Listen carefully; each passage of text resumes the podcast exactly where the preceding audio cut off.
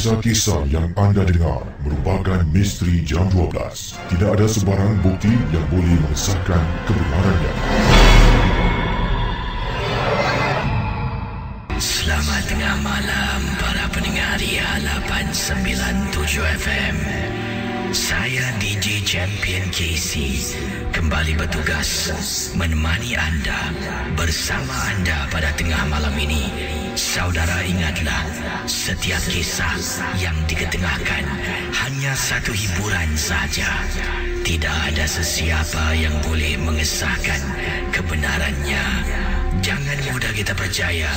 Jangan kita terikut-ikut dengan apa yang diketengahkan, yang dikongsi bersama dalam rancangan Misteri Jam 12.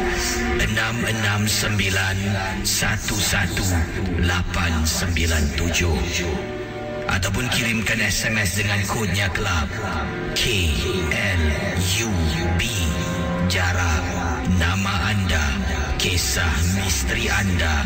Dan hantarkan ke talian 72346 saya akan mulakan kisah yang pertama dengan saya bacakan kiriman email yang saya terima dari seorang pendengar yang ber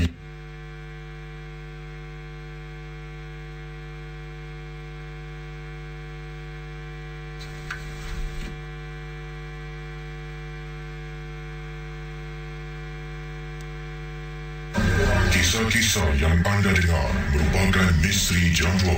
Tidak ada sebarang bukti yang boleh mengesahkan kebenarannya.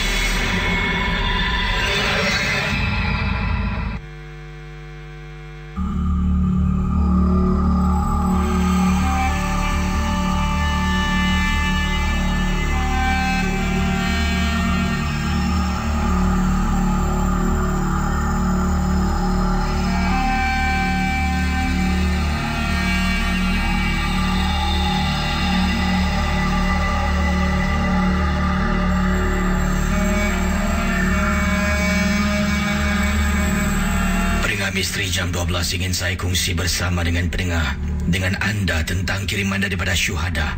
Syuhada berkongsi peristiwa yang tak dapat dilupakan dan perkara ini berlaku bukan di Singapura.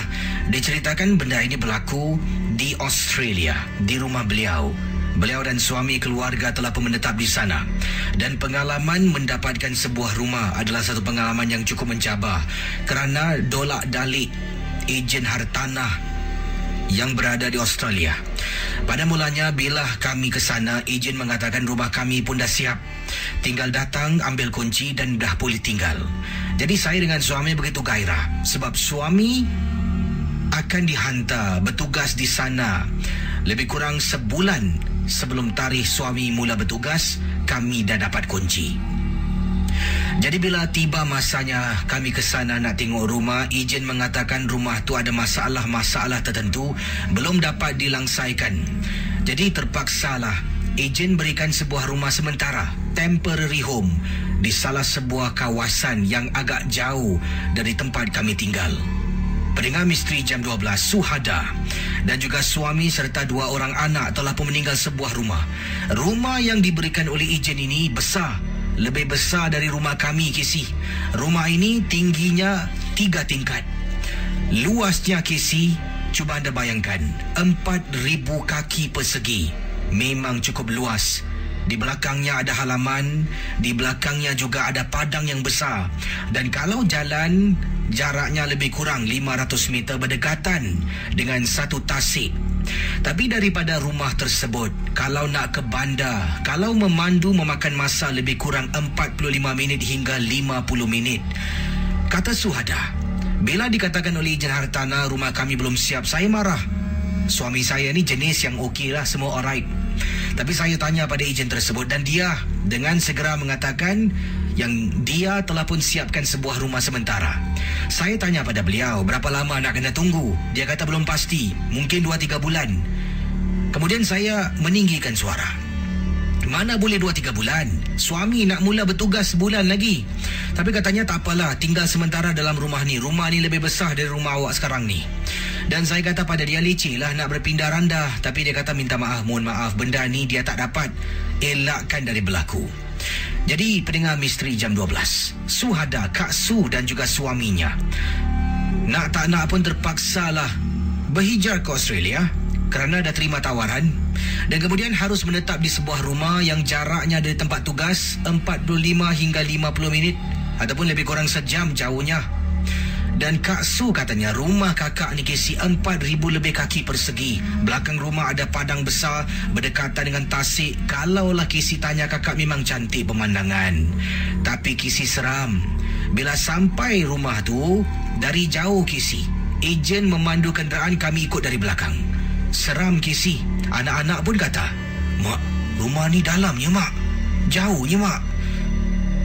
Bila sampai kami keluar dari kenderaan, nampak rumah tu macam rumah hantu.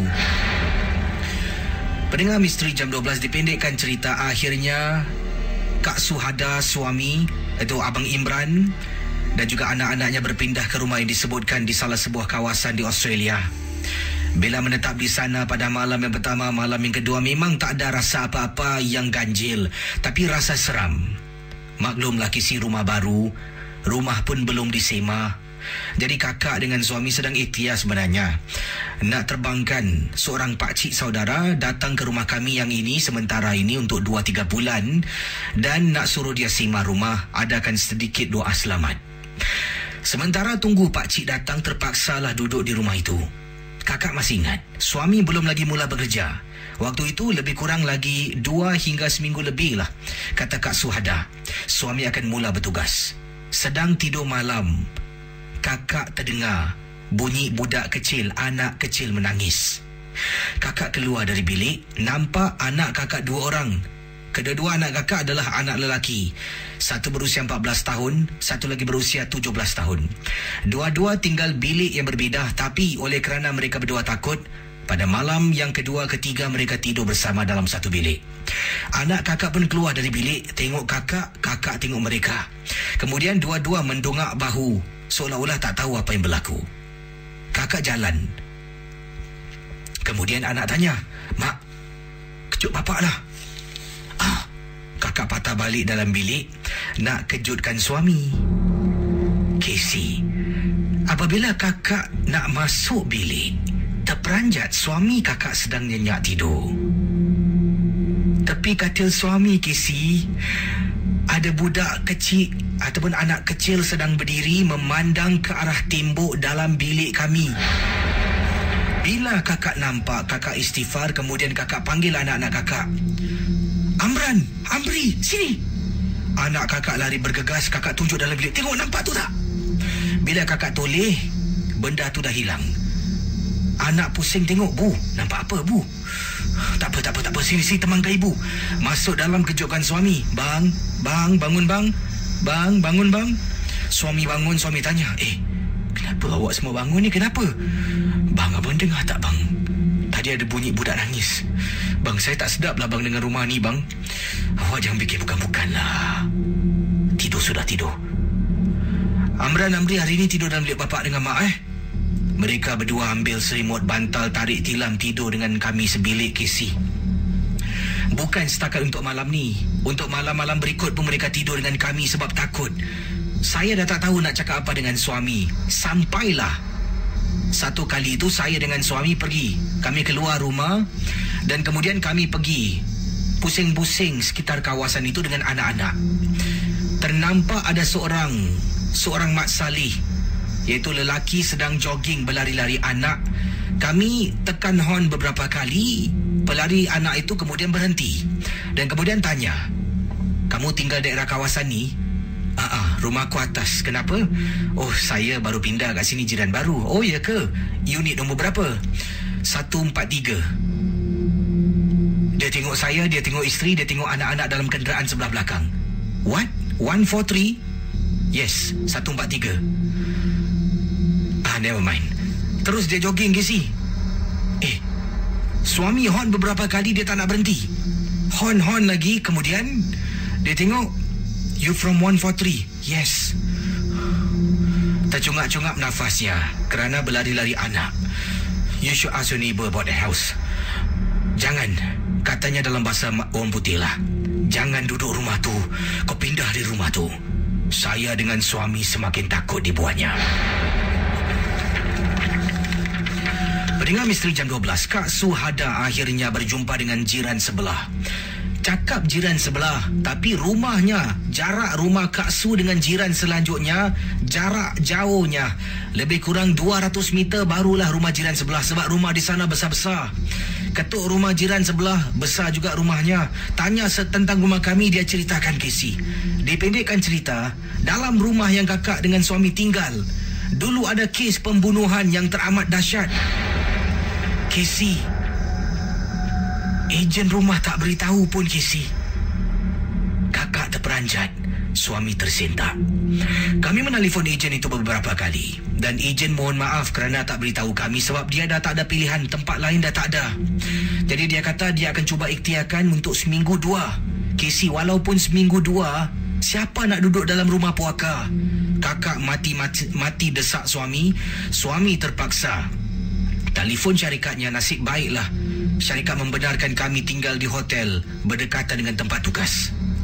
Itulah peristiwa pengalaman Casey yang tak dapat dilupakan berlaku pada tahun 2001. Terima kasih dan selamat tengah malam Casey. Saudara, kisah-kisah yang bakal anda dengar dalam Misteri Jam 12. Anggaplah ia hanya satu hiburan. Tidak ada sesiapa yang boleh mengesahkan kebenarannya. Kalau anda rasa takut, perlahankanlah suara radio anda. Misteri Jam 12. Hanya satu hiburan. Hai, macam-macam kisah eh berkongsi pengalaman kisah di Ria 897 FM. Dan uh, kita akan teruskan dengan uh, pengalaman-pengalaman yang selanjutnya awal tadi kisah daripada Kak Suhada dan saya rasa sekarang ini pun ada kalau tahun 2000 eh satu sekarang ni dah mungkin 11 tahun 10 tahun eh duduk di Australia eh. Wah, lama di sana tu dan harap rumah-rumah rumah anda ni dalam keadaan yang baik lah dah dapat rumah yang sebenarnya dan tinggal di rumah macam tu saya rasa itu memang eh ejen hartanah yang tidak bertanggungjawab lah. Okey, saya akan teruskan. Memang seram lah kalau anda dalam situasi Kak Suhana. Kemudian jiran beritahu rumah tu ada um, kes pembunuhan. Eh, anda nak tinggal ke tak nak? Kalau saya tak apalah, rela. Eh, book kapal terbang balik Singapura. Tinggal duduk Singapura lagi selamat lah. Okey 669-11897 Lebih banyak kisah akan saya teruskan pada malam ini. Yang ini daripada kiriman Fatin Abdul Rashid uh, Yang berkongsi peristiwa. Katanya Fatin Abdul Rashid Kisi tolong, tolong, tolong, tolong, tolong. Wah, empat tolong eh. Bacakan kisah pengalaman saya ini Fatin Abdul Rashid Kisah ini berkenaan tentang kawasan Bedok Reservoir uh, berdekatan dengan rumah saya. Tempoh hari kata Fatin Abdul Rashid, saya dengan suami baru balik daripada apa ni, oh rumah teman kami. Uh, di sana tu ada birthday party lah. Dalam perjalanan uh, suami memandu kenderaan, uh, kami tinggal di Bedok Reservoir. Di depan uh, Bedok Reservoir tu ada satu lampu trafik tempat orang berlintas. Jadi suami berhenti sebab ada orang nak melintas dan lampu merah. Saat suami sedang berhentikan kenderaannya, saya ni boleh pandang dekat kawasan di Bedok Reservoir. Memang sunyi sepi malam. Di sana memang ramai kalau pergi pada tempat uh, tepat pada masanya ada orang yang akan berlari-lari anak berbasikal dan sebagainya. Tapi waktu itu sekitar pukul 1 pagi kisi setelah habis rewang birthday party kawan rapat saya dah kemas dah nak pulang itulah suami hentikan kenderaan kerana lampu merah betul-betul dekat tepi tu apa yang berlaku, kata Fatin, saya ni ternampak ada sesuatu di permukaan air. Macam orang, seorang perempuan berpakaian serba putih berdiri. Tapi dia berdiri tak tenggelam. Seolah-olah kakinya memijak air kisi. Bila saya nampak tercengang dibuatnya. Jadi saya pun cakap pada suami, bang, bang, tengok tu bang. Tengok, tengok, tengok. Suami toleh, suami kata, tengok apa, nampak apa. Tak apa tak nampak bang. Kemudian suami tengok lampu dah hijau, suami pun memandu. Casey. Lat beberapa saat di belakang bunyi pam kuat sangat. Kenderaan berlanggar Casey. Tak tahu kenapa dan apa sebabnya, mungkin agaknya dia ternampak apa yang saya nampak. Sebab kenderaan yang berlanggar di belakang apabila saya toleh, kenderaan yang dikatakan sedang bergerak tu tiba-tiba sampai masuk lane sebelah Casey. Mungkin dia bergerak dengan begitu laju, tapi tak pasti pula. Sedangkan lampu baru hijau. Bila dia masuk lane sebelah, dah berlanggar dengan kereta arah yang melintang kisi. Jadi, saya nampak suami sampai terkejut. Terus suami hentikan kenderaan di tepi jalan nak beri bantuan. Kami keluar. Bila keluar dari kenderaan, suami pun nak menghampiri kenderaan yang terbabas. Saya masih nampak lagi benda tu susuk tubuh masih berdiri di atas permukaan air di beduk reservoir. Suami saya menghampiri, saya tak berani nak dekat. Saya diri di tepi kereta dan pandang ke arah lain. Itulah pengalaman saya Kisi. Pengalaman yang tak dapat dilupakan. Terima kasih dan juga selamat tengah malam Kisi. Kisah-kisah yang anda dengar merupakan misteri jam 12.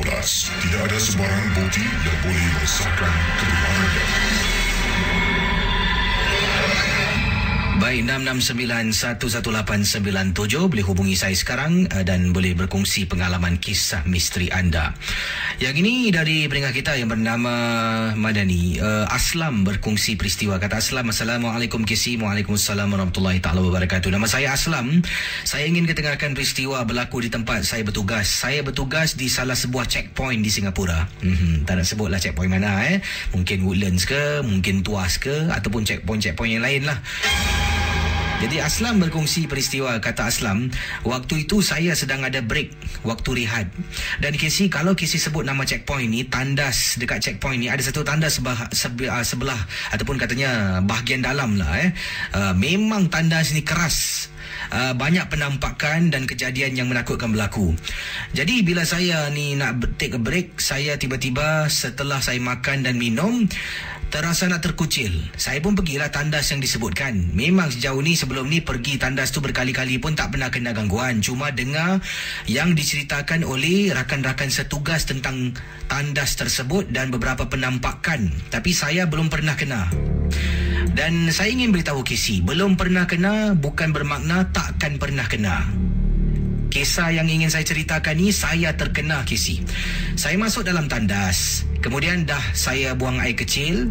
Saya keluar dari tandas nak bilas ataupun nak cuci tangan saya.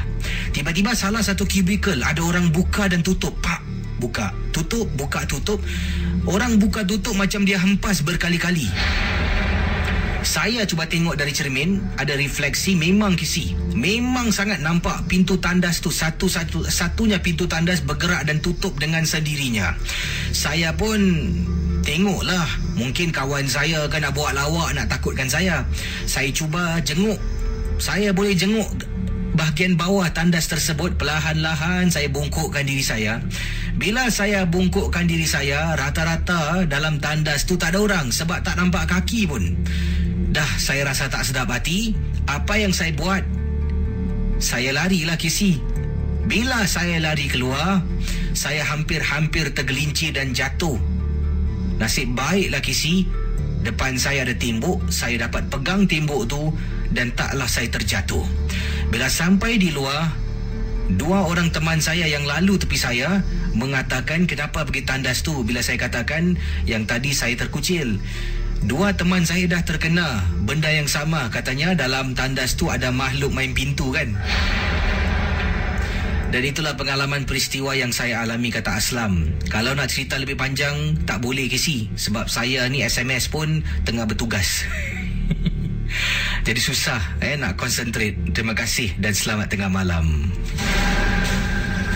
Kisah-kisah yang anda dengar merupakan misteri jam 12. Tidak ada sebarang bukti yang boleh mengesahkan kebenarannya. Okey itulah pengalaman eh seorang uh, pekerja custom di Singapura di checkpoint lah. Di mana checkpointnya? Saya pernah dengar juga orang kata tentang tandas dekat checkpoint ni. Tak tahulah jauh mana kebenaran eh sebab saya pun belum pernah pergi lah. Uh, yang ini katanya uh, yang ini dari siapa ni? Dari Abidin kata bro Casey adakah tandas yang disebutkan dekat mm, checkpoint? Uh, kalau betul memang Casey uh, gua punya tunang pun kerja sana. Dia tak berani nak pergi tandas yang disebutkan tu. Uh, kadang-kala tu tandas tu lah yang paling dekat tapi memang menyeramkan hmm, sebab tempat tu jarang digunakan. Terima kasih. Terima kasih kembali. Uh, macam-macam eh kisah pengalaman. Baik, anda boleh hubungi saya di 66911897 selepas pesanan-pesanan berikut ini saya akan kembali dengan kisah-kisah anda. Jangan ke mana-mana.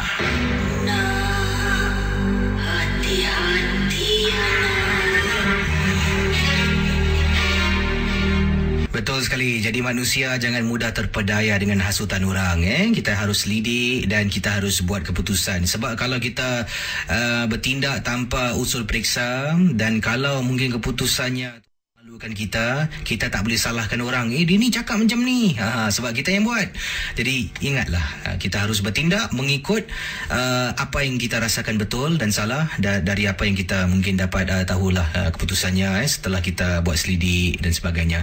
Okey, uh, malam ini terima kasih bagi anda yang memantau Misteri Jam 12 dan ada kata KC kisah yang Kak Su di Australia tu seram eh. saya juga pernah duduk Australia selama 11 tahun sebelum kita pulang ke Singapura. Um, rumah saya taklah seram macam tu. Kami tinggal di apartmen dan uh, ramai jiran-jiran yang lain. Uh, terima kasih, terima kasih kembali. Uh, yang ini pendengar kita berkongsi uh, pengalaman. Okey, ini dah baca awal tadi. Uh, yang ini pula daripada um, Okey. Ni Husaini bertanya soalan ni. Kesi saya memang betul muskil lah Kesi. Tak ada tempat lain ke orang-orang ni semua ha? nak bunuh diri, nak meragut nyawa sendiri sampaikan tempat eh, tempat apa ni orang beriadah di Bedok Reservoir ni dijadikan uh, macam satu taman untuk ragut nyawa. Boleh tak panggil pakar-pakar yang expert mana-mana ke Pak Radin ke untuk pergi sana untuk tengok tempat tu? Kalau betul-betul tempat tu berantai, pagar sudahlah. Kan berbahaya. Alamak, geram betul lah. Cik, marah betul Husaini. Okey, uh, yang ini dari pendengar kita. Uh, uh, siapa ni kiriman uh, ini dia? Okey, Kak Saimah berkongsi pengalaman. Assalamualaikum warahmatullahi taala wabarakatuh. Kisi. Waalaikumsalam warahmatullahi taala wabarakatuh eh. Uh, oh, Kak Saimah ada ke- ke- pengalaman. Saya akan cuba simak kiriman ini akan saya kembali selepas uh, bersama dengan pendengar berikut ini. Hello, selamat tengah malam. Uh, silakan 66911897 yang nak bercerita yang ingin berkongsi pengalaman hubungi saya sekarang. Hello, selamat tengah malam. Hello. Hello. Hello. Hello. Hello. Hai, siapa tu? Hello. Hello. Hai, siapa tu?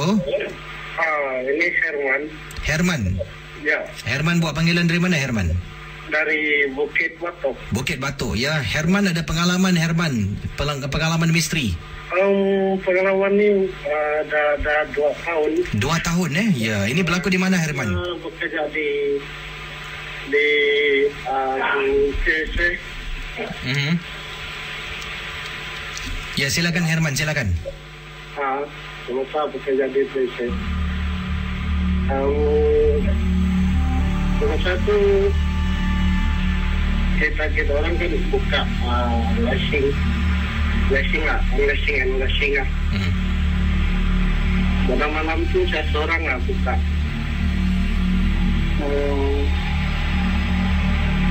Hmm. Oh, Ya, teruskan, teruskan.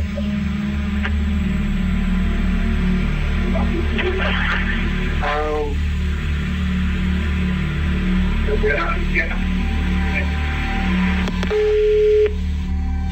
Okey, saya ingin beritahu anda kalau ingin bercerita telefon di belakang tolong matikan eh. Tolong matikan telefon di belakang. Ya.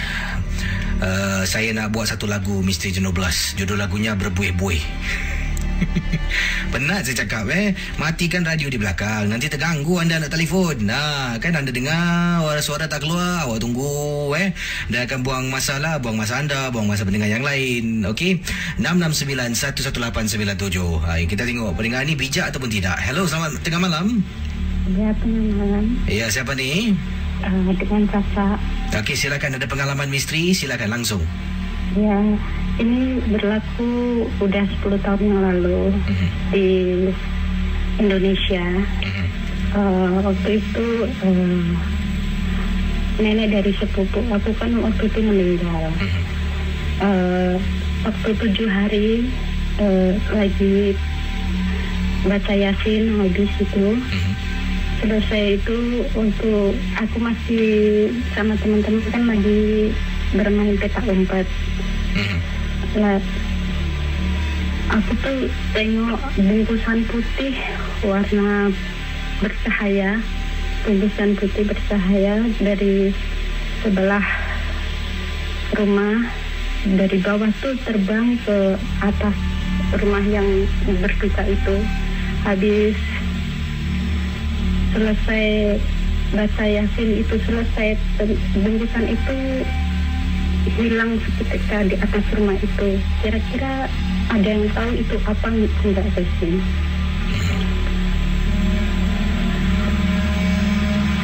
Ya, teruskan langsung. Ah, ya cuma itu aja. Hmm, terima kasih ya. Ya. Baik, uh, kita berkongsi kisah selanjutnya. Ini kiriman email ingin saya bacakan. Ini daripada Suhaili berkongsi pengalaman. Katanya, Assalamualaikum Gisim, Waalaikumsalam. Pengalaman saya berlaku dalam MRT di Singapura. Uh, saya naik last train nak pulang ke rumah di kawasan Yishun. Apa yang berlaku, uh, saya ni berada di gerbak yang terakhir ataupun gerabak lah eh. Ini ejaannya gerbak. Gerabak yang terakhir uh, kata Suhaili. Sedang saya duduk ni seorang diri pulang ke rumah. Uh, kawan saya dah turun. Siang-siang dia dah turun dekat Tua Payoh jadi bila nak uh, kereta api tu berangkat dari Tua Payoh saya seorang saja yang berada di gerabak yang terakhir Tengok kiri kanan lain tak ada orang kisi. Adalah orang-orang di gerabak yang beri, seterusnya berikutnya di tengah di hujung ada. Tapi gerabak yang saya gunakan hanya saya seorang saja. Saya pula berada betul-betul di tempat duduk paling hujung sekali. Tempat duduk yang ada dua orang. Saya sedang duduk dan sedang bermain dengan telefon. Bila teman saya turun, saya tengok gerabak tu memang tak ada orang kisi. Langsung tak ada orang. Jadi MRT tu bergerak dari Tua Payoh dia naik ke Bradle, dia naik ke Bishan, naik ke Ang Mo Kio menuju ke arah Yishun di mana saya nak turun. Pendengar Misteri Jam 12 Suhaili mengatakan saya dah pandang tadi memang tak ada orang. Antara stesen Bradle dan Bishan memang tak ada orang naik pun. Kereta api dah sampai, pintu buka, tak ada yang turun, tak ada yang naik. Jadi memang saya masih seorang. Bila sampai dekat Bishan, saya terperasan Gisi. Terperasan, terperanjat. Apabila ternampak ada seorang makcik sedang duduk. Casey, makcik ni dari mana dia datang? Sedang awal tadi berkali-kali saya tengok dekat gerabak yang terakhir, saya seorang saja yang sedang duduk. Pendengar Ria 897, deskripsi yang diberikan oleh Suhaili tentang makcik dalam gerabak yang terakhir. Inilah deskripsinya. Makcik ini kisi berpakaian baju kurung. Corak orang-orang tua. Dengan selendang. Dia ada membawa satu beg. Kalau boleh saya katakan beg ini macam beg makcik keropok yang gunakan sama macam tu. Sedang duduk dekat gerabak. Kalau makcik tu berjalan pun saya tengok mungkin perlahan-lahan. Begnya besar. Jadi kalau dia bergerak, dia masuk dalam train pun saya pasti akan perasan. Dari mana datangnya makcik ini? Kemudian terus saya berhenti dari main game, mata saya asyik menjeling-jeling dan cuba curi-curi pandang makcik yang sedang duduk dalam gerabak. Wah. Jadi anda cuba dengar ni eh. Kata Suhaili, saya curi-curi pandang. Sekejap-sekejap mata saya jeling tengok makcik tu. Sekejap-sekejap mata saya jeling. Sampai satu saat ini, sedang saya nak jeling makcik ni, Casey nak tahu tak? Makcik ni berdiri betul-betul dekat tepi cermin di tingkap yang sedang saya duduk.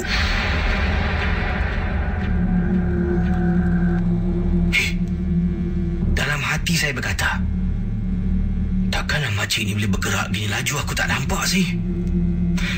Hanya beberapa saat Casey, saya jeling, saya tengok lain, saya tengok lagi dia dah ada di tepi saya. Casey punyalah takut Casey. Nasib baiklah Casey. Bila sampai di Bishan, ada orang naik. Makcik tu keluar daripada kereta api, gerabak yang terakhir dan saya bangun duduk betul-betul dekat dengan kawasan orang duduk. Memang takut Casey. Pengalaman daripada Suhaili berkongsi pengalaman peristiwa yang tak dapat dilupakan apabila menaiki kereta api yang terakhir untuk pulang ke rumahnya di kawasan Isyun. Kisah-kisah yang anda dengar merupakan misteri jam 12. Tidak ada sesiapa yang boleh mengesahkan kebenarannya. Jangan mudah kita percaya. Jangan kita terikut-ikut. Ingatlah, Energy 12 hanya satu hiburan.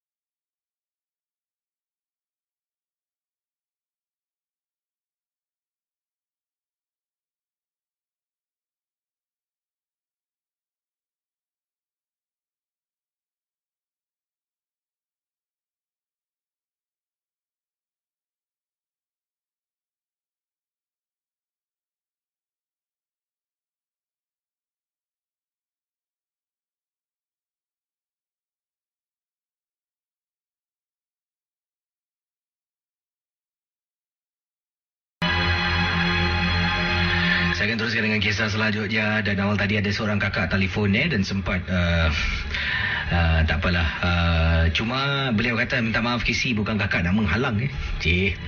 Katanya kisah sekejap aja Kisi nak cerita pada Kisi. Uh, sekarang ini sedang berlaku dan tak pastilah mungkin benar atau tidak tapi ingatlah ini semua hanya satu hiburan. Uh, saya pun tak tanya lupa nak tanya nama kakak tadi ada seorang kakak yang telefon terima kasih kerana sudah berkongsi. Uh, katanya jiran sebelah awal tadi ketuk rumah kakak dan uh, dia terperanjat eh minta kakak tolong temankan dia ataupun dia nak duduk rumah kakak sebab awal tadi bila dia nak masuk dapur dia terperasan dekat tingkap dapur nampak macam ada orang sedang bertinggi kata akak tu lah kisi kisi kisi. Oh ni.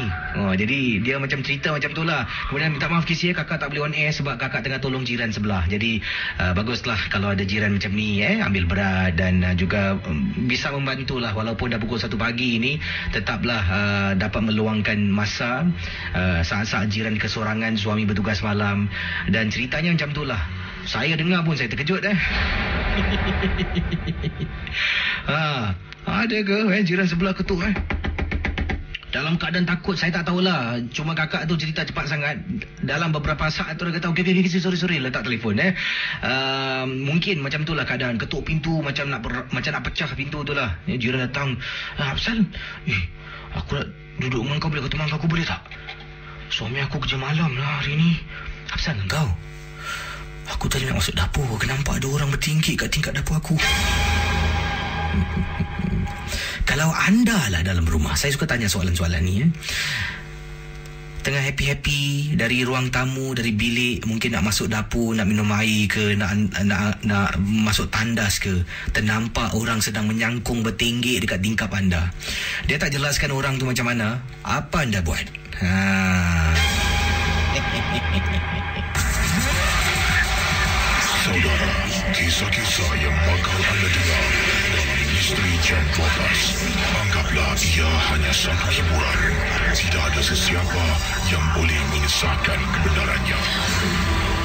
Kalau anda rasa takut, perlahankanlah suara radio anda. Jam 12.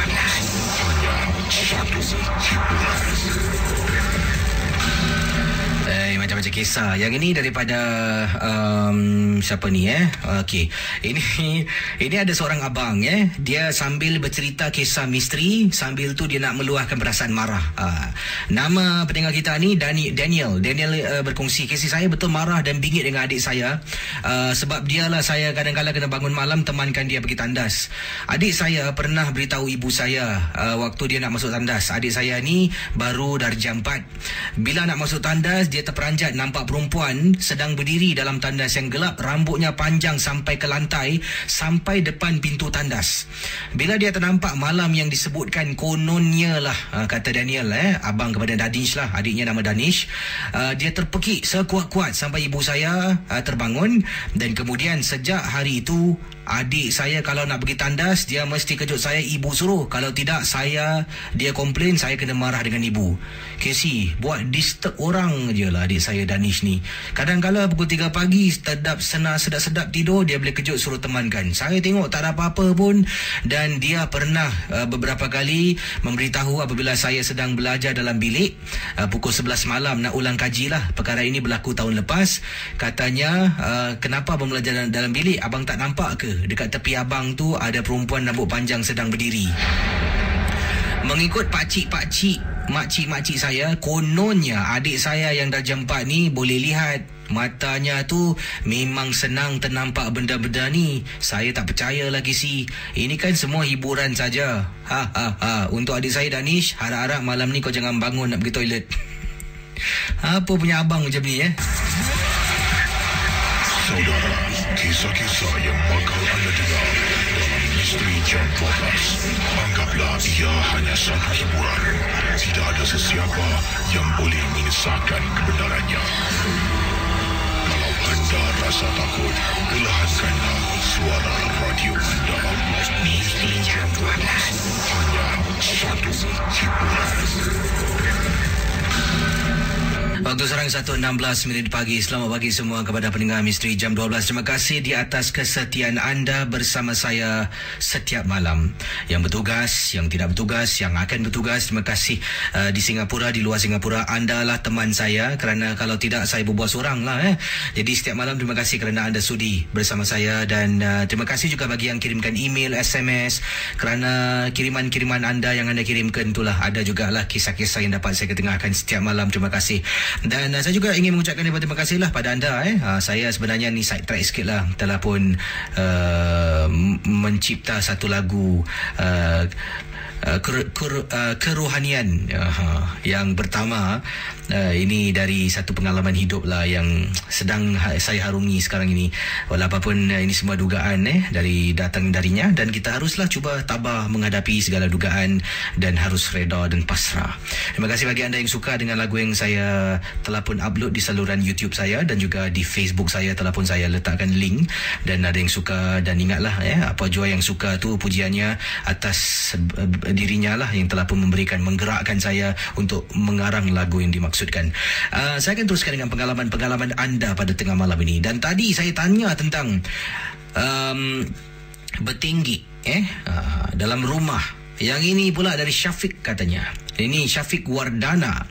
Uh, kalau aku jumpa orang bertinggi dekat tingkat dapur ke si, aku hantam dia pakai kuali. Ah, yang dia gantung di dapur. Ha ha ha ha. Eh, jangan cakap eh. Kalau betul-betul kita nampak apa reaksi kita? Nak hantam ke sebelum dia ngek kena ngap tahu. Kalau kata Muhammad Fizi eh, kalau saya nampak kisi orang bertinggi dekat tingkat dapur, ah, kalau bertinggi dekat tingkat konti apa kisi buat? Ha, dalam konti tak ada tingkap, jangan marah. Ha, jadi tak boleh takutkan saya. Yang ini pendengar kita yang lain berikan respon kepada pertanyaan eh, dari Akif Mami. Saya rasa saya akan pingsan, bangun dan pingsan bangun sampai pagi. kan lebih baik tidur terus. Buat penat je ping- pingsan bangun sampai pagi eh. Yang ini pula kisah saya tengah makan dekat dapur sih. Ayo ni makcik eh. Ha, nasib aku tak tercekik tahu dari Ridwan. Okey. Um, ada yang kata eh abang tadi tu kenapa lah macam tu? Ah, tak kisah tentang adik eh yang ah, betul-betul takut. Cuba kalau diri dia takut siapa dia minta tolong? Ah, pasti dia akan menyusahkan adik dia ataupun mak bapak dia. Sama-sama lah. Uh. ah, yang lain-lain yang ah, telah memberikan mungkin pendapat pandangan eh ah, dan ada juga yang telah pun kirimkan. Ah, okey. Yang ini daripada pendengar kita Casey cakap tentang makhluk bertinggi ah, isteri saya pernah nampak kata Pak Wan lah. Pak Wan kata isteri saya pernah lihat pernah nampak di tingkap dapur rumah tapi sekali dalam seumur hidup duduk kami duduk di kawasan uh, Buangkok ni. Um, waktu itu isteri saya bangun malam dan dia sebenarnya nak ke tandas. Rumah kami tandas dalam bilik ni rosak kisi. Jadi terpaksa lah nak tunggu tandas tu diperbaiki. Isteri keluar dari bilik nak pergi tandas dapur. Kemudian isteri masuk bilik balik kata isteri tak tahulah apa yang uh, katanya benar. Mungkin dia baru bangun tidur, meracau ke saya tak pasti eh. Kata Pak Wan. Bila isteri kejutkan saya, bang temankan saya bang pergi tanda. Saya kata pergilah awak, takkan takut. Dekat tingkap ada kain putih bang. Dan uh, itulah satu-satunya pengalaman saya yang sedang mengantuk dan nyenyak tidur rasa segar bila dengar isteri kata macam tu sebab nada suaranya bukan main-main serius. Saya bangun, saya temankan isteri pergi tandas, saya pun takut kisi. Setiap kali pusing belakang tengok ada tak benda tu. Tapi Alhamdulillah tidak ada gangguan yang uh, usul selepas itu. Terima kasih, terima kasih kembali. Dan uh, kalau ada kisah misteri boleh hubungi saya di 66911897 dan malam ni kisah eh ada macam-macam kisah lah yang saya terima. Ada juga pengalaman-pengalaman yang uh, menyeramkan, ada juga kisah-kisah yang tak dapat dilupakan oleh pendengar kita seperti yang ini daripada Syazwan uh, berkongsi di tempat sekolahnya di salah sebuah politeknik di Singapura. Kata Syazwan, kisah saya ringkas saja kisi boleh ketengahkan dan kongsi berkongsi bersama dengan pendengar Ria 897 yang lain. Saya waktu tu ingat um, di sekolah saya ni ada dipanggil bilik sembayang ataupun musollah. Jadi musollah ni dekat dengan engineering block. Ha, waktu tu sekitar tujuh lebih malam saya nak tunaikan solat maghrib. Apabila saya menghampiri musallah di sekolah saya di salah sebuah poli saya dengar ada orang mengaji. Jadi saya fikirkan dalam musallah tu ada orang lah. Saya pun masuk beri salam. Assalamualaikum. Saya langkah kaki kanan. Eh musallah tu kecil ke si tak ada orang ke si Awal tadi dalam perjalanan nak nunaikan solat maghrib dengar dengan jelas orang mengaji. Casey nak tak nak saya teruskanlah solat saya. Tapi saya berdiri selama lebih kurang 2-3 minit untuk tenangkan diri sebelum saya mulakan solat. Terima kasih. Selamat tengah malam.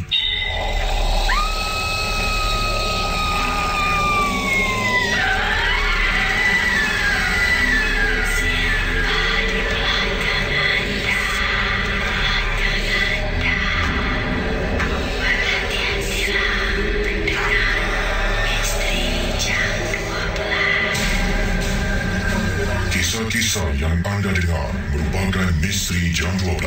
Tidak ada sebarang bukti yang boleh mengesahkan kebenarannya.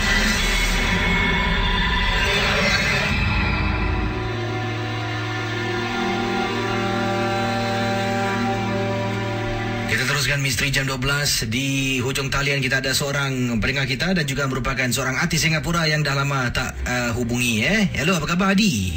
Baik. Ha, ini dia Adi dari Nur Adi. Sehat, sehat bagus. Di mana sekarang? Di rumah, di luar, di mana ni?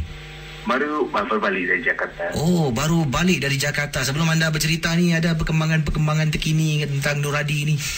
Oh, no, uh, kami dah rilis dah single di Indonesia. Wah. Uh, lagu kami sekarang tengah meningkat naik top 50 Ah. di seluruh Indonesia. Ya. Wah, tahniah berdanda lah eh. Kalau dah naik terus eh, dah dapat uh, mungkin royalty banyak tu, jangan lupa belanja orang Singapura lah eh. Itu dia. Dan lagu apa dimaksudkan yang yang sedang uh, Oh, berkumandang? lagu lagu ini adalah lagu Hmm. Du, ber- berjudul Dunia Global featuring Ah. Amang Ah, okey. dari Indonesia. Ah. Amang adalah salah satu artis yang pernah sering duet dengan, dia rappers, rap Mhm. duet dengan artis Indonesia seperti Mahadewi. Oh dunia global. Oh saya pernah dengar dengar lagu tu eh. Ah, Ah, ini, ya. tapi ini menampilkan artis Indonesia lah. Hello. Ya, ya. Ya. Uh, ni ini uh, uh, uh, uh, Amang adalah uh, uh, kita featurekan Aman dalam lagu ni. ya. Oh ah, okey okey okey. Dan uh, apa anda katakan uh, ada pengalaman yang ingin diketengahkan pada tengah malam ini dan pengalaman Okey. ini, ini berlaku di mana? Di Singapura ataupun di Indonesia? Di Indonesia. Okey, Ah. uh, mana kan kami buat touring banyak di Indonesia. Okey. Mhm. Uh, kami telah ke mana? Uh, baru-baru ni kami telah ke Sulawesi. Okey, Ya. mhm. Kalau pendengar tahu Sulawesi itu adalah pulau yang uh, di Indonesia Mhm. yang besar eh. Mhm. Jadi uh, waktu tu kami berada di Makassar dan kami berpeluang untuk pergi holiday lah. Mhm. Dan holiday tu di di agak dekat uh, daerah central of Sulawesi. Mhm. Jadi kami tak ada niat apa-apa tapi pada hari itu uh, kami pergi ke kawasan yang dikenal sebagai Toraja. Uh, di situ orang-orang dia uh, bukan beragama Islam atau Kristian tapi beragama yang semua bersemangat lah. Dan uh, satu perkara yang amat membanjang kami, dia kami di sana ada bicara kematian. Kematian. Mhm. Uh, jadi yang menyeramkan bila mayat tu dah mati, eh, mati dah orang tu. Mayat tu boleh bangun. Okey, Dan ha. bangun dan berjalan ke kubur. Hmm. Itu yang, mem- yang menyeramkan kami. Kami dapat lihat dia di mana uh, dia ada bomo lah dekat situ. Mhm. Dia sembahyang, dia puja-puja. Nanti mayat tu bangun dan berjalan ramai ke kubur untuk ditanam. Mayat tu bergerak eh. Wah. Bergerak, ya. Ini ini pernah dalam satu malam. Ini pernah diceritakan uh, di di akhbar dan pernah juga terkeluar satu artikel tentang mayat bergerak. Uh, pada mulanya saya fikirkan itu hanya satu mungkin uh, benda-benda benda perkara yang dibuat-buat lah. Tapi anda sendiri uh, katanya pengalaman di sana Ya. tu di waktu malam dilakukan pemujaan. Ya, waktu tu memang kami bernasib baiklah dapat peluang melihatkan. Wah. Tapi kami tak prepare untuk ambil video apa cuma very shock, terperanjat lah. Ya ya ya. Dan ya. ada di situ kalau uh, adat mereka, kalau mereka Hmm. mati, Hmm. kalau tak cukup wang, tu, macam bicara ke bumi dia besar-besaran dah banyak pakai wang. Kalau tak Hmm. cukup wang, mereka simpan mayat tu di rumah. Oh. Sampai ada duit. Dan ada uh, apa ni, uh, yang ada simpan di atas punggung. Hmm, Ah itulah itu yang insyaAllah kalau ada lagi peluang kami akan cuba pergi kalau dapat video kan kami videokan lah. Hmm. Jadi inilah pengalaman eh kalau kata orang ni jauh perjalanan luas pemandangan. Jadi memanglah dapat lihat benda-benda yang menakutkan juga. Terima kasih pada anda dan semoga um, uh, single anda ni yang sedang uh, meletup di Indonesia dapatlah eh diterima lebih lebih banyak lagi dan dia dapat uh, putaran lebih kerap. Terima kasih Adi. Okey terima kasih. Terima kasih. Kembali itu dia Adi dari Nuradi uh, berkongsi pengalaman kisah ketika membuat promosi di, di, di Indonesia dan tahniah uh, memang bangga kalau dengan hati-hati Singapura ni dapat bertapak dan uh, dapat gerakkan muzik lah eh luar uh, dari uh, Singapura ke luar Singapura. Uh, lah macam-macam kisah eh malam ni eh tentang mayat yang dikatakan bangkit dengan pemujaan mayat tu bangun dan berjalan bergerak sendiri masuk ke tapak tanah perkuburan. Kalau gini senang lah eh. Polis-polis semua nak Nak apa ni Yalah eh, Pegawai-pegawai polis Nak selesaikan masalah Kes pembunuhan Tak tahu identiti siapa orangnya eh. Dia puja-puja-puja Baliklah ke rumah kau. Mayat tu bangun jalan Naik bas eh Naik MRT Duduk naik MRT Seram babe. Okey kita teruskan uh, Ke hujung talian. 669-11897 Yang gini daripada peringkat kita Uh, siapa ni? Ini dia Haji Hashim kata, Casey apa khabar? Khabar baik. Awal tadi ada kisah budak kata adiknya boleh lihat yang berusia 4 tahun, bukan 4 tahun, dah jam 4 eh. Ha, katanya anak-anak kecil memang mempunyai kebolehan, tak semua Casey. Ada uh, katanya di sini eh mengikut Haji Hashim lah. Sejauh mana kebenaran saya tak pasti, tapi katanya anak-anak kecil uh, mereka memang boleh melihat dari mereka dilahirkan ke bumi Allah ini sampai umur sekian-sekian waktu mereka boleh melihat benda-benda ini. Tapi ada juga Uh, katanya di sini misal kata tapi ada juga yang tak boleh melihat setelah umur sekian-sekian. Seperti contoh, cuba Casey ingat boleh tak Casey ada, ada tak Casey mempunyai kenangan sejak Casey lahir sampailah usia 2 atau 3 tahun? Ramai akan kata mereka tak ingat.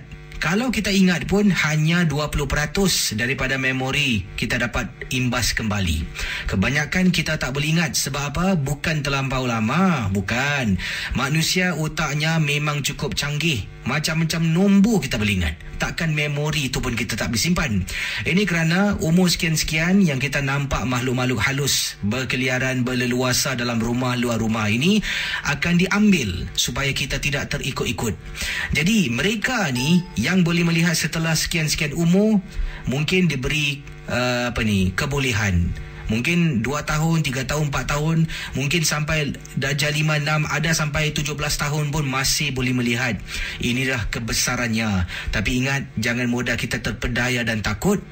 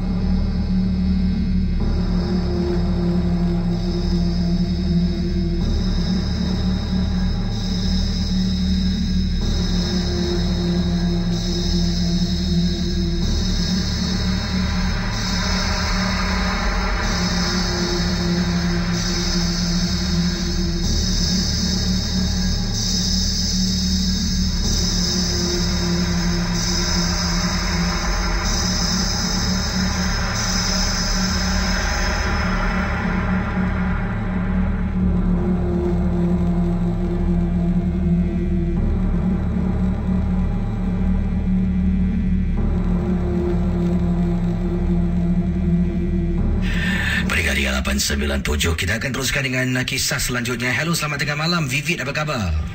Baik, Alhamdulillah. Uh, ini eh kebetulan malam ni eh ada beberapa artis Singapura yang dapat tembusi dan bersama dengan saya kita ada Vivid uh, di ujung talian. Uh, di uh, Vivid buat panggilan dari mana? Di rumah ke di luar di mana Di sekarang? rumah, Casey. Aha, dan Ah, Vivid kebetulan. Tadi Noradi, eh. Nah, tadi itulah. eh. Coba hello eh Vivid. Wah. Dan terima kasih kerana, kerana Noradi dan Vivid juga sedang mendengar siaran Misteri Jam 12 ni. Ah, Dan uh, anda apa ni mengatakan ada pengalaman yang ingin diketengahkan tentang apa ni? Ah, okey. Um, saya punya pengalaman ni actually terjadi uh, masih saya belasan tahun lah. Mhm, I just want to share dengan cerita ni. Uh, kisah saya waktu tu, uh, ni kisah tentang laut lah. Pada waktu tu Vivid masih umur belasan tahun. Aha. Uh, bapa saya ada boat. Hmm. Jadi bot dia tu dia dia suka memancing lah hobi Ah, dia lah eh. okey. Jadi bot dia tu dia uh, dia letak dia park dekat West Coast. Dulu West Coast uh, belum diubah suai ke apa eh. Hmm. Dia memang tempat bot punya uh, parking lah pada tu lama. Hmm. Jadi satu hari ni saya tak pernah ikut memang saya tak tak suka pergi laut lah pergi ikut bapak saya pancing cuma abang saya je. So pada waktu tu saya teringin juga nak naik bot bapak. Jadi kita pergilah dari West Coast tu dia kita pergi pancing kita keluar malam lah lewat pukul 10 gitu. Jadi dalam pukul saya tak tahu mana tempatnya saya ikut aja lah dari situ. Jadi kita pergi mancing dalam tengah saya tak tahu daerah mana bapak saya bawa. Uh, pergi pancing lah tak banyak lah dapat ikan. Mungkin saya ada ikan tak nak timbul. Jadi so by that time uh, kita dah habis pancing dan rasanya dalam pukul waktunya tiga lebih lah. Habis hujan renyai-renyai tu Casey Habis saya cakap mungkin bapak saya kata tarik-tarik dia punya sahur semua lah. Abang saya cakap sudahlah kita balik je lah kita pulang. Jadi dekat-dekat West Coast tu dulu dia ada, dia bukan pulau tau Casey. Dia macam tanah timbul lah atas air tu. Aha. Dia uh, uh, nak pulang ke kapal situ sebelah dia tak berapa jauh, jauh. Dia ada macam tanah dan uh, bukan hutan. Ada pokok-pokok tumbuhan di atas tanah tu. Memang tak mana sabarlah tak ada orang. Tempat tu lah tak ada orang tinggal. Uh, dia macam tanah timbul. Jadi bila kita dah nak balik, situ pusing eh, hujan renyai-renyai. Saya terdengar lah. Saya yang terdengar. Uh, saya terdengar mula suara macam tempat da- dari tanah, dari tempat kawasan tu lah. Keluar suara perempuan ketawa. Hmm. Dia ketawa lah Mula ketawa macam ha ha ha Gitu-gitu macam ada orang berbual gitu tau Saya Mulut saya ni suka tegur Kalau Casey nak tahu Kalau saya jalan dengan Noradi pun Dengan kawan-kawan saya siapa Saya ni tak tahu Saya suka menegur Kawan saya Ah, tak ah. Itu marah Adi selalu marah saya Kalau pasal saya Kalau terbau ke apa saya Dengan saya tidak secara langsung Akan terkeluar saya tegur Jadi mulut tak boleh kontrol lah eh. mulut tak boleh kontrol. jadi saya, abang saya tak cakap apa-apa lah diam. Habis jadi kita tengah jalan nak pulang tu, lepas dia ketawa kan Casey, dia macam uh, menangis macam ha, macam tak ayub gitu macam mana yang suara kadang-kadang Casey putarkan eh. Ha, ha. Dia punya macam ha, nangis sayup sekali dengar memang dari kawasan tu. Tempat tu memang tak ada orang. Lepas tu kan Casey, Ah. lepas dia dah menangis, Ha. Lepas macam benda tu terbang mengilai Mengilai betul-betul naik atas Macam ke atas itu mengilai Dia punya nyaring dengar dia memang dengar. Saya rasa abang saya dengan bapak saya dengar. Tapi mereka tak nak tegur. Saya dah menggeletar. Saya dah mesti saya takut. Saya cakap dengar tak? Dengar tak? Saya cakap gitu. Abang saya kata kau diam-diam aja. Kita nak balik ni diam-diam. Kau tidur je cakap macam itu. Saya itu pengalaman saya. Memang betul saya tak kita tak saya tak nampak bendanya tapi suaranya tu memang jelas. Memang tak menyesal memang tak ada orang. Tempat tanah lapang tanah timur tu memang tak ada orang. Ah, itu memang pengalaman saya. Memang Ah. sampai sekarang saya terdengar Tapi- ter- uh-uh. Sampai sekarang ni adakah anda uh, selepas kejadian itu adakah anda sekarang ni uh, nak kawal uh, mungkin anda yang suka menegur ni? Macam mana? Boleh kawal atau masih Liza juga? Baru-baru ini pun kalau saya keluar, keluar dengan Nur Haji satu tempat dia tak tahu. Saya terbau sesuatu yang yang yang Harum lah eh. Ha, jadi saya automatik cakap Di, kau bau tak Di? Saya kata, apa ni wangi-wangi? Mulut saya, dia memang mengamuk kalau keluar dengan saya. Dia suka tegur memang. saya tak tahu macam itu bad habit. Ya. Ah, tapi memang orang kata, jangan suka tegur. Eh, mak saya pun kata, kalau apa-apa jangan suka tegur. Hmm. Ah, tadi saya nak sentuh sikit pasal yang budak tu nampak, kelihatan boleh nampak eh. Ah, ad- ad- adiknya. Ah. Itu memang betul tau uh, Casey Pasal Hmm. apa kadang-kadang kelebihan yang Tuhan kita ka- kasih pada seseorang tu eh Ini terjadi pada anak saudara saya sendiri Hmm. Dia boleh nampak sesuatu Macam Dia akan kata macam Dia cakap mak dia Mah Dia kata ah, Ada benda kat situ jadi jadi dia banyak nampak macam sesuatu dia macam dia naik lift kadang-kadang empat tingkat tu dia ternampak perempuan rambut panjang. Jadi dan kadang-kadang di dalam nak masuk rumah pun dia kata mak jangan masuk dulu. Hmm. Ah dia macam gini tau itu memang Ber- berapa usianya? Dia dah dia dah belasan tahun. Yang lagi Ah. satu ah, macam saya buat ke, kuat buat ke saya kuat percaya Ah. teman saya ni kawan saya India Ah. abang ipar dia pun macam gini dia boleh nampak macam dia orang ada extra sense lah. Ah. Bila dia cakap satu hari tu dia jalan pak bawah pula uh, tempat kawasan tu habis ada satu pokok dia cakap dia bilang kawan cerita, lah eh dia kata ada orang tergantung. Dia orang tak nampak dia orang lalu Ah, ah. ah. But then bila dia tanya kawan-kawan dia tu dia dah sampai rumah kawan dia yang nak tuju tu dia orang cakap tadi abang aku nampak ada orang tergantung di sini. Dia, abang dia memang kata dia boleh nampak. Hmm. abang ipar dia lah. But kawan dia kata it's true. Situ masa tu dulu ada orang komisi side memang gantung diri kat situ. Jadi kita nak cakap macam mana eh, tak percaya ada bukti kukuh kelebihan Tuhan kasih lah Hmm, terima kasih pada aja Siti Eh, Vivid terima kasih ya. Yang Ya, uh, ya, juga yang dulu terkenal dengan lagu Warga. Okey, terima kasih. Terima kasih kembali. Baik, pengalaman daripada artis Singapura, dua orang artis Singapura kita eh. Wah, bersama dengan saya pada malam ini, kita dengan pada malam ini. Terima kasihlah. Um, dan uh, cakap tentang tadi ni, uh, Vivid sentuh tentang um, apa ni tegur-tegur kan. Vivid kata beliau adalah seseorang yang uh, kalau terbau ternampak mesti tegur sampaikan rakannya marah eh. Dan di sini ada nampaknya kiriman yang dikirimkan oleh uh, Haji Husin sekali lagi yang uh, berkongsi tentang tegur menegur. Casey tahu tak kenapa kita da- tak tidak dibenarkan menegur? Menurut ilmu yang saya dalami, saya ada pelajari sesuatu di salah sebuah pesantren di Indonesia dan ini antara satu bab yang saya pelajar, uh, saya belajar tentang kenapa kita tidak dibenarkan tegur. Mereka mengeluarkan bau wangian Kadang-kala ada yang mengeluarkan bau yang busuk. Kadang-kala mereka akan tunjukkan kelibat. Kadang-kala mereka akan tunjukkan sesuatu di atas pohon. Menegur. Bila kita bila kita terbau sesuatu, mereka nak kita tegur. Jadi sesiapa yang tegur, dia akan pilih orang tu untuk ikut pulang. Ah, dan selalunya lazimnya orang-orang yang menegur ini adalah orang-orang yang katanya lemah semangat. Uh, kata Haji Hussein eh, lemah semangat. Dia akan ikut pulang. Dan hati-hatilah kalau kita berjalan pulang ke rumah di waktu malam terasa macam ada sesuatu yang mengikuti kita dari belakang seperti yang kita tahu bila kita nak balik kata Haji Hussein uh, depan rumah tu haruslah kita beri salam kemudian langkah dengan kaki kanan dan bacalah tiga kul sepanjang daripada pintu masuk sampailah ke dalam rumah kita berdiri habiskan semua barulah kita buat apa yang patut. Tanggalkan sepatu ke masuk dapur cuci kaki ke nak mandi dan sebagainya. Kalau uh, selagi belum habis janganlah kita berbual dengan sesiapa. Terima kasih. Itu pendapat pandangan saya. Terima kasih kerana Casey sudi baca kiriman SMS saya ini. Buat kali yang kedua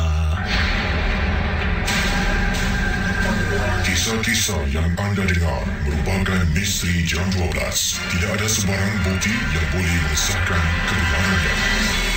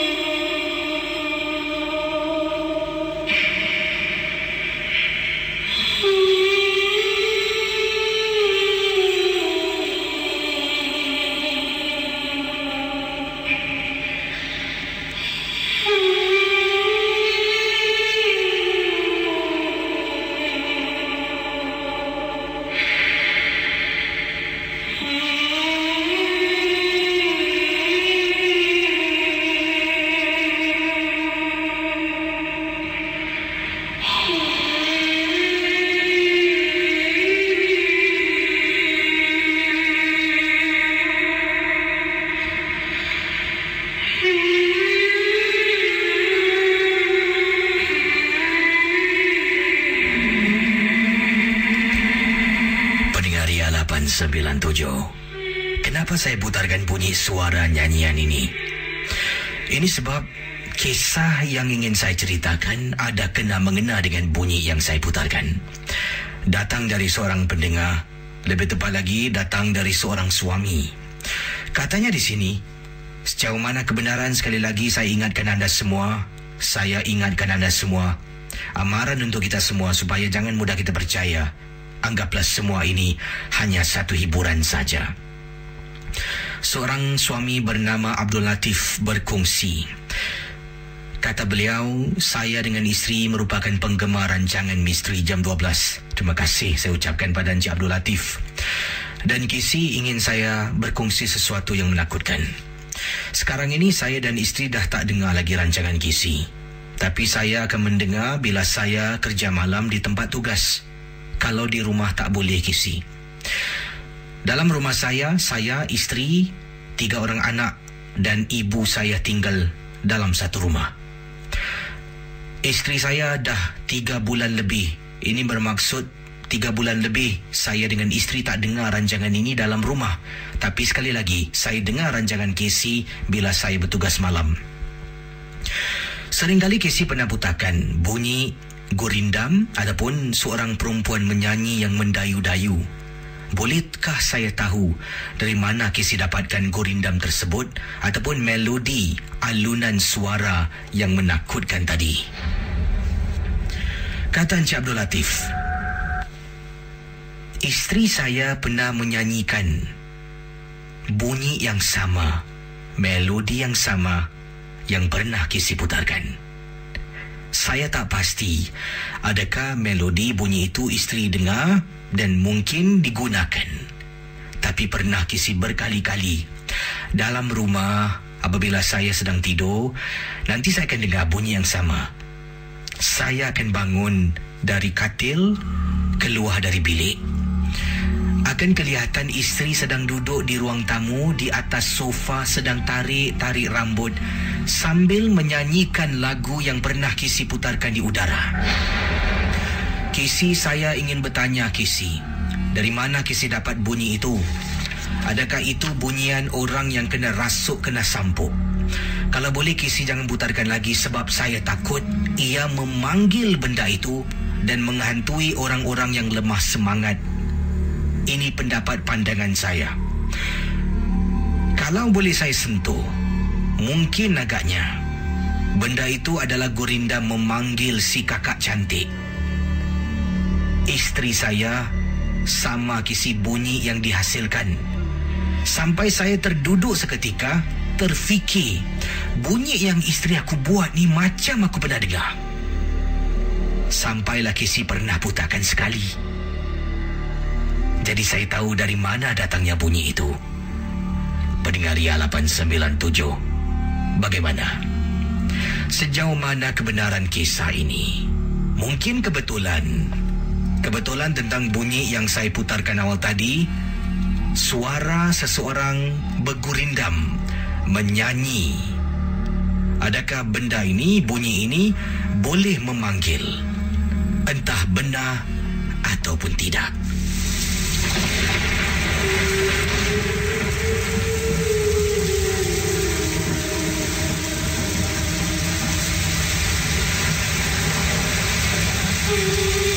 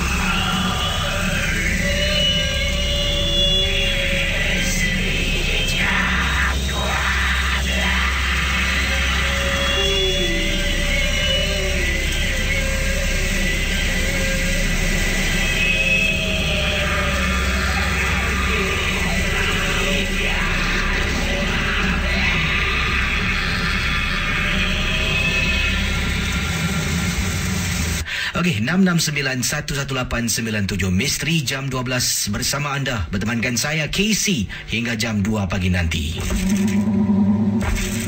Ria, Ria 897 MM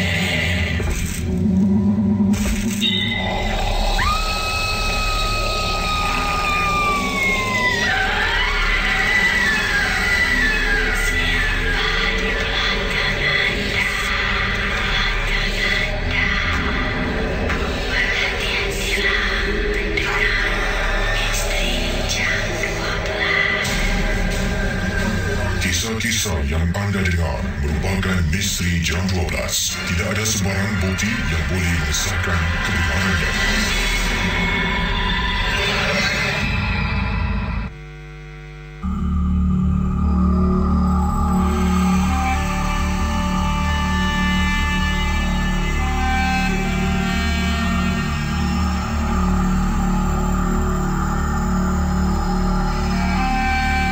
Selamat tengah malam para pendengar Ria 897.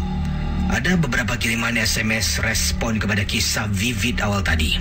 Ada mengatakan kisi memang benar. Ada orang yang dilahirkan mempunyai keistimewaan macam anak saudara saya. Tapi sekarang dah pulih. Saya gunakan pulih sebab dia dihantar berubat kisi untuk tutup hijabnya. Setiap kali kalau dia uh, ibunya dokong pergi ke rumah orang keluar waktu malam mesti dia akan terpekik takut takut takut. Bila ditanya kenapa dia akan tunjuk belakang ada orang takut. Kita pusing, mata berkeliaran cari tak nampak pun. Pernah dia pergi rumah saudara kami yang baru berpindah. Saudara ini adakan majlis doa selamat sempena dengan rumah baru. Anak saudara saya masuk dalam rumah tu keluar balik takut tak nak masuk. Kenapa? Katanya dalam bilik yang dia nampak ada perempuan bukan satu, Hesi. Ada empat orang perempuan sedang berdiri di atas katil. Saya tak nak sebutkan lebih lanjut tentang apa yang berlaku tapi anak saudara saya dihantar berubat. Lebih kurang setahun lebih berubat berkali-kali tutup hijabnya barulah akhirnya dia kembali macam manusia biasa. Yang ini kiriman-kiriman teman kita yang kirimkan katanya wah kisi Uh, suara harmoni Nuradi itu memang power. Gua bangga lah dari Amka eh, Yang kirimkan mesej Terima kasih. Yang ini kiriman teman-teman yang lain uh, Tentang kisah Vivid awal tadi. Sandra kata betul kisi cakap Vivid. Macam kawan saya yang bersama Dino Dia pun boleh nampak benda-benda ni. Seram kadang-kadang berjalan dengan dia Teman saya. Yang ini pula katanya Obek Wiro 69 Uh, kapal Obek memang selalu kesi. Uh, kapal itu berada di daerah West Coast. Yang dimaksudkan oleh Vivid, pulau yang kecil tu adalah Pulau Retan. Tapi sekarang dah tak ada lagi pulau tu. Ah, kata Obek lah eh, seorang anak kapal uh, yang juga uh, tahu tentang kisah yang diceritakan tadi. Yang ini... Um, dari seorang mendengar namanya Putri. Putri kata Assalamualaikum Waalaikumsalam warahmatullahi taala wabarakatuh. Saya ingin berkongsi satu peristiwa. Ini pengalaman saya di kolong blok rumah saya. Kakak ipar saya nak hantar sesuatu dan sebenarnya saya perlukan uh, seluar hitam. Seluar hitam saya untuk saya gunakan uh, ke tempat tugas esok telah pun dibasuh oleh ibu dan masih belum kering. Jadi saya pun telefon kakak ipar dan dia berada di luar tapi dia ada seluar sebab saya pernah bermalam di rumahnya tertinggal. Jadi cerita saya ni bukan tentang seluar, hihihi dia ketawa. Tapi tentang pengalaman saya apabila tunggu kakak ipar balik dari JB dia balik ke rumahnya dan nak hantar seluar saya di kolong blok rumah. Apa yang berlaku kata Putri? Kakak ipar telefon saya. Dia kata, lagi 10 minit turun nanti aku sampai. Jadi saya pun 10 minit kemudian saya pun dah mulalah pakai selipar saya turun ke bawah.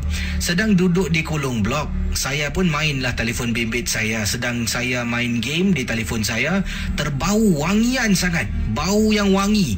Angin tiup, terus bau. Saya toleh kiri kanan, meremang gisi betul. Bila kita berada di kolong blok seorang diri, waktu sedemikian kita akan rasa memang tak sedap hati.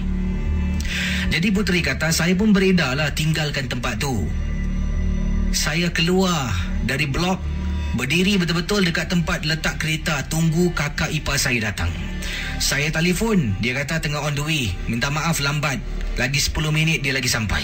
10 minit saya di bawah kolong blok ni kisi seorang-seorang. Jadi Putri kata, saya tak tahu nak buat apa, saya dirilah tepi jalan. Belakang saya ni blok saya.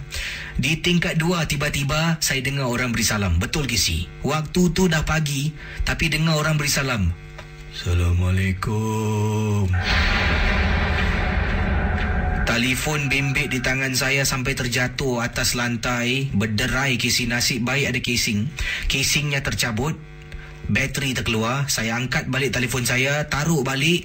Saya toleh belakang tengok tingkat dua kisi ada budak ni. Sedang berdiri rambut panjang. Tengok saya senyum. Ish. Saya masuk balik kolong blok Kebetulan kakak ipar saya pun sampai Saya keluar Saya ambil seluar saya Tanpa bercakap apa-apa Saya lari balik Kakak ipar saya sampai telefon Kenapa dengan saya ni Sampai rumah saya jelaskan Tentang apa yang berlaku Kakak ipar saya pun seram sejuk dibuatnya Itulah pengalaman saya Putri eh. Ha, terima kasih. Tengah berdiri depan tu eh tiba-tiba orang tingkat dua. Assalamualaikum. Agaknya oh, jiran anda tingkat dua tak nak jaga gurau eh? Mungkinlah, tak tahulah eh. Uh, yang ini katanya Kak No tak perlulah suami tadi menyalahkan bunyi perempuan bergurindam yang kisi butakan sebabkan istrinya tersampuk atau apa-apa heran betul lah pendengar-pendengar ni. Ha. Uh, dia dia tanya pada saya dari mana eh dan bagaimana bunyi itu boleh terhasil. Saya pun lupa sebenarnya. Uh, nanti kalau saya ingat saya akan beritahu. Hmm, tapi tak apalah. Uh, itulah antara kisah-kisah yang saya terima di sini. Ada juga pendengar-pendengar kita yang ingin bercerita, silakan 669-11897. Saudara, kisah-kisah yang bakal anda dengar dalam Misteri Jam 12. Anggaplah ia hanya satu hiburan. Tidak ada sesiapa yang boleh mengesahkan kebenarannya.